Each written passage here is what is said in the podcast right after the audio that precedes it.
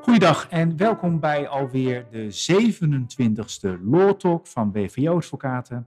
Mijn naam is Pascal Willems en ik zit hier met mijn collega Patricia Wijmans. Hi Pascal. En uh, ja, alweer de 27e Law Talk, uh, Patricia. Al meer dan een half jaar uh, maken we dit. Ja. Met veel plezier, hè, kunnen we Zeker. wel zeggen. Zeker. Um, en vandaag hebben we ook weer voor jullie een Law Talk. En deze staat in het kader van een tweetal recente uitspraken die we tegen zijn gekomen. En waar wij uh, over die onderwerpen in de praktijk ook nog wel eens wat vragen kregen. Ja. Dus is het leuk om die eens te behandelen. En, Zeker. Uh, even in het kort, waar gaat het om? Het gaat om nou ja, een medewerker die te veel loon heeft ontvangen. En eh, de werkgever zegt van nou, dat wil ik terug hebben, te ja. onrecht ontvangen. Moet ja. je dat wel of niet terugbetalen? En de andere is eigenlijk iets wat in de praktijk heel veel voorkomt. Een medewerker die niet goed functioneert. En op een gegeven moment in dat dysfunctioneringstraject zich ziek meldt. Misschien ja. vlucht in ziekte zou je kunnen ja, zeggen. om aan ontslag uh, te ontkomen. Te ontkomen hè? en hoe je daarmee moet omgaan. Dat zijn eigenlijk twee onderwerpen die nou, in onze praktijk regelmatig vragen overkomen. Dus leek het ons leuk om daar nu ook de lot ook aan te wijden. Um, zullen we beginnen met het ten onrechte ontvangen loon? Ja, dat, dat is goed, Pascal. Um, even, ik zal even kort, kort toelichten waar het over ging. het was een, een medewerker die... Um, uh, werkte bij de Belastingdienst en dus die, nou ja, is veel bezig in zijn werk met cijfers, mag je van uitgaan. Daar mag je van uitgaan, ja. Dat is wel de core business. Ja. Daar ging de rechter overigens ook vanuit in deze kwestie. Maar die krijgt op een gegeven moment een loonsverhoging. Nou, hartstikke mooi. Met hem wordt afgesproken. Uh, je gaat naar, naar schaal F, treden 6. Schaal F, treden 6. Schaal, 6, tre schaal ja. F, treden 6. Ja. Uh, en vervolgens wordt er bevestigd, oh je krijgt een loonsverhoging, je gaat naar schaal 10 treden, dus 6. 6.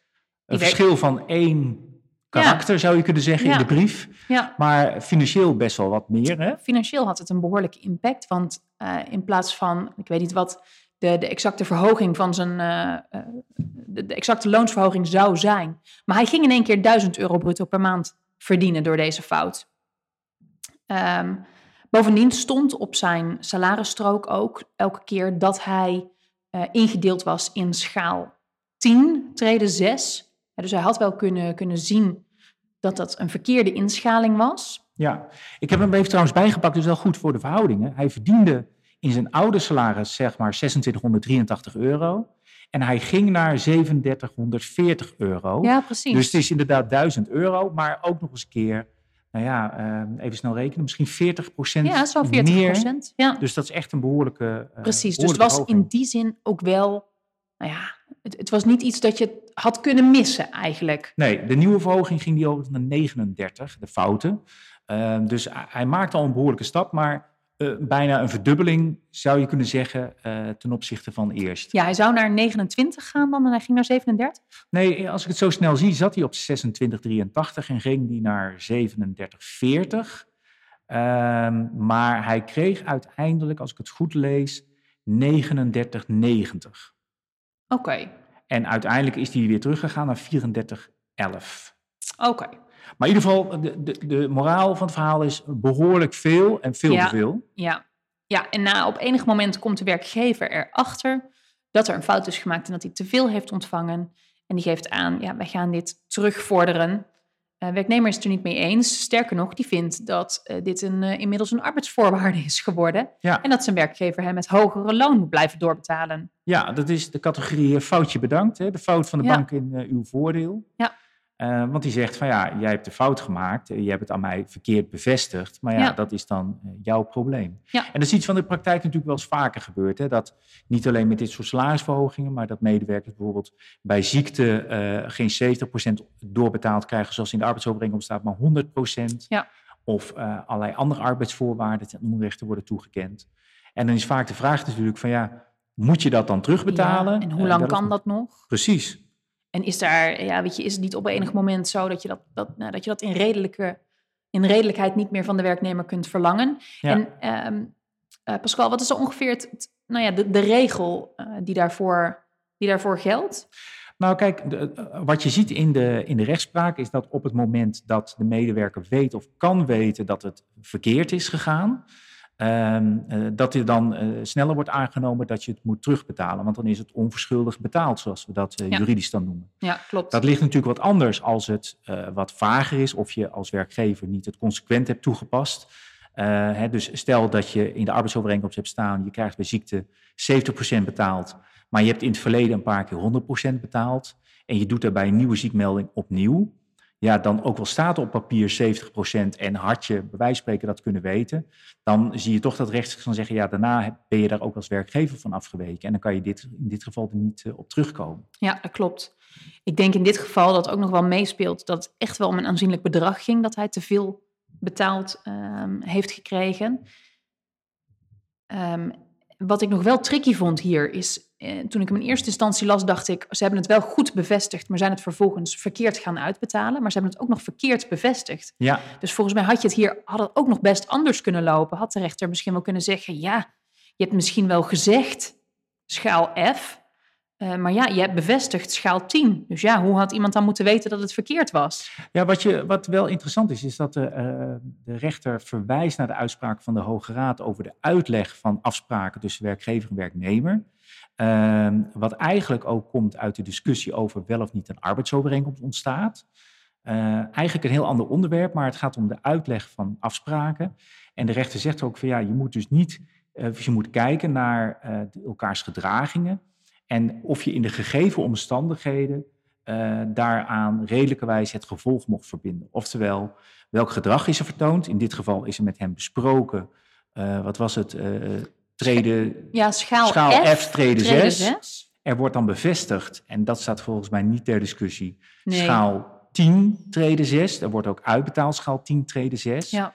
Maar ja. gezien het feit wat er met hem besproken is en wat er toen gedaan mocht deze medewerker ja, er niet redelijkwijs van uitgaan dat hij buiten het gesprek wat hij heeft gehad, waar hij al een salarisverhoging heeft gekregen, dat Ja. hij nog meer kreeg. Ja. Maar stel nou hè, dat hij, want volgens mij staat in deze procedure vast dat er besproken is schaal F, treden 6. Ja. Maar stel nou dat die werknemer, stel nou dat daar een discussie over was geweest, hè, dat die werknemer had gezegd van ja, maar er is helemaal niet besproken met mij schaal F, treden 6.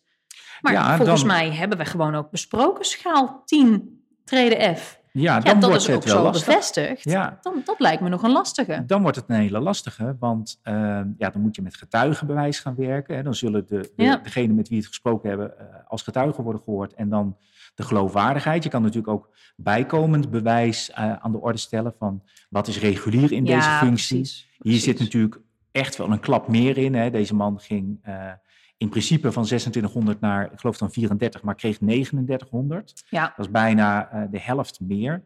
Ja, ehm, als dat ook niet in het functiehuis helemaal past, dan kan ik me voorstellen dat de geloofwaardigheid ter discussie is. Maar dit zijn altijd hele lastige Ja. zaken. Ehm, overigens dat deze ambtenaar daar wel zo aan vastgehouden heeft, nadat je eerst zo'n behoorlijke salarisverhoging hebt Ja. gekregen. Ehm, nou ja, bij de medewerkgever is meteen je, je dienstverband eh, zeg maar ten einde. Ja, wat ik nog wel grappig vond, is dat de werknemer kennelijk in de procedure heeft gezegd: Ja, ik heb mijn salarisstrook niet echt gecontroleerd. Want kennelijk stond op die salarisstrook ook vermeld eh, treden of schaal 10, treden 6. En de werknemer zei: Ja, dat is me niet opgevallen. Ja, Maar van de rechter nog wel zei: Ja, maar jij bent medewerker bij de Belastingdienst. Die cijfers controleert in zijn, eh, in zijn dagelijkse functie. Dus Ja. ik kan me niet voorstellen dat je niet na zo'n forse salarisverhoging niet zelf even je loonstrookje hebt gecontroleerd. Ja, dat, ik, ik weet er is ook jurisprudentie over dat op het moment dat je eh, eigenlijk altijd hetzelfde krijgt, dat er eh, dus netto op je, op, je, zeg maar op je bankrekening, dan kan een rechter wel zeggen, ja, dan weet je, dan ligt het minder voor de hand dat jij je salarisstrook Ja, eh, controleren. ja. Maar als je zo'n behoorlijke salarisverhoging krijgt, eh, bruto wordt dat dan afgesproken, het netto-equivalent wordt uitgekeerd, dan wordt er eigenlijk wel verwacht dat je dan die salarisstrook even controleert. Ja, en zeker van een medewerker van de Belastingdienst. Ja. Dus dan ligt het weer eerder voor de Ja. hand dat je daar dan wel alert op bent. Ja, daar wordt ook wel een zekere mate van, eh, nou ja, proactiviteit van de werknemer verwacht bij, door de rechter. Ja, en ik denk ook wel terecht. Kijk, eh, natuurlijk als een werkgever een fout maakt en je, Je kon daar niet van weten. Ehm, je hebt dat geld daarna eh, gewoon ook besteed. Zo gaat het vaak natuurlijk. Ja, Dan is het wel heel erg zuur als je dan achteraf met eh, een behoorlijke claim... in dit geval moest hij geloof ik 6600 euro netto ja terugbetalen. klopt. Eh, dat is wel behoorlijk lastig. En dan is het ook wel, ja, kan ik wel meevoelen dat je dan zegt van ja, dan, dan moet je als werkgever dat dan maar gewoon die fout voor lief nemen en Ja. dat slikken. Maar Ja. Het zijn natuurlijk ook gevallen dat er binnen een organisatie fouten worden gemaakt, administratief. Ja. Je als medewerker eigenlijk wel weet van wow, dit is wel een behoorlijk Precies. voordeeltje, maar ik hou verder Precies. mijn mond. Ja, dan is het ook niet redelijk dat je dat dan eh, zou mogen houden. Nee.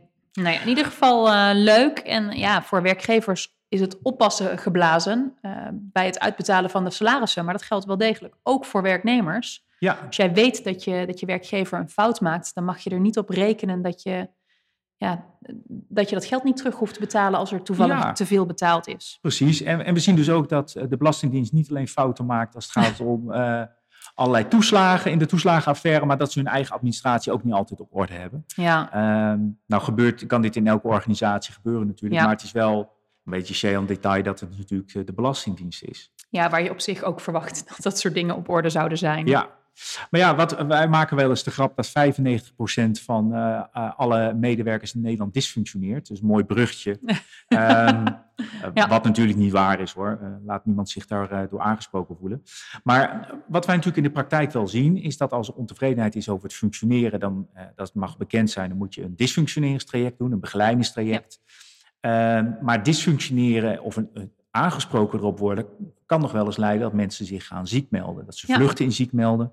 Soms ook wel daadwerkelijk ziek zijn. Ik bedoel, het een sluit het ander niet uit. Ja, en soms is het ook wel echt zo dat iemand, eh, nou ja, dat misschien eh, be- bepaalde omstandigheden of een bepaalde ziekte ertoe leidt dat je je functie niet volledig goed kunt uitoefenen. Ja, Eh, dus dat kan ook wel een, een valide grond zijn om, om, om misschien niet helemaal alles goed te doen. precies. Maar in Want- dit geval zagen we, we, we zagen nu recent een, een uitspraak voorbij komen waarbij de werknemer tot vijf keer toe een onvoldoende beoordeling heeft gekregen. Ja, vier keer in vier vijf keer, jaar. Vier keer in vijf jaar. Ja, vier uit vijf eh, zou je zeggen. Ja, dat zou Ja. denk ik al eerder reden zijn geweest voor een verbeterd traject. Maar werkgever heeft daar best wel tijd mee gewacht. Op enig moment toch gezegd, ja, je moet in een, eh, in een verbeterd traject. Ja, was overigens een, een jurist, hè? Ja. Over, eh nou ja, gênante details gesproken. Maar Ja, hier, hier ging het inderdaad een, over een jurist. ehm, en na drie negatieve beoordelingen in 2016, 17 en 19, dus 2018 was het topjaar voor deze persoon, Ja, maar daarna nog steeds niet, ja, was het voor deze werkgever duidelijk van hier moet een, een begeleidingstraject, een verbetertraject komen. Er is Ja. ook nog een assessment geweest ehm, om te kijken van ja, weet je, hoe, hoe zit het nou? Ehm, Ja. Ook met zijn functioneren, dat was in 2020. Ehm, dus deze werkgever had wel de behoorlijk aandacht eh aan ja, besteed. ja, er was ook een traject van, van eh, zeven maanden ingezet. Dus ook niet dat er even heel snel een, eh, een verbeterd traject doorheen gejast werd. Er werd echt wel serieus aandacht aan besteed. Zeven maanden verbeterd traject, elf evaluatiegesprekken. Ja, Eh, maar uiteindelijk helaas zonder positief resultaat. ja.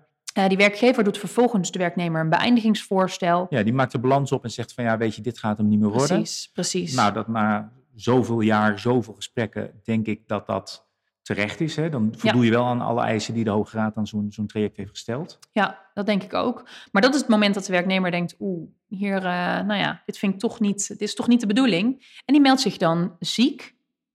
Ehm, werkgever die dient dan een ontbindingsverzoek in om de arbeidsovereenkomst te beëindigen wegens dysfunctioneren. En dan zegt de werknemer opeens, ja, maar het komt eh, omdat er bij mij in 2014 borderline is gediagnosticeerd. Ja, En daardoor dysfunctioneer ik. ja, dus die geeft in één keer een medische reden voor het dysfunctioneren. Hè? Maar pas in de, in de procedure. Ja, en op zich heeft hij wel tijdens het ehm verbetertraject, heeft de werknemer op enig moment wel gezegd, ja, er zijn persoonlijke omstandigheden waardoor, eh, ja, waardoor ik tegen deze zaken aanloop, hè, waardoor ik niet goed kan functioneren. Daar heeft de werkgever, denk ik, heel goed en adequaat op gereageerd, want die heeft aangegeven, nou, misschien moeten we eens ehm, ja, gaan praten met een bedrijf. Misschien moet je eens gaan praten met een bedrijfsarts dan, hè? Ja, Uh, als werkgever mag je daar natuurlijk uh, niet al te veel van weten en, en mag je daar geen oordeel over geven.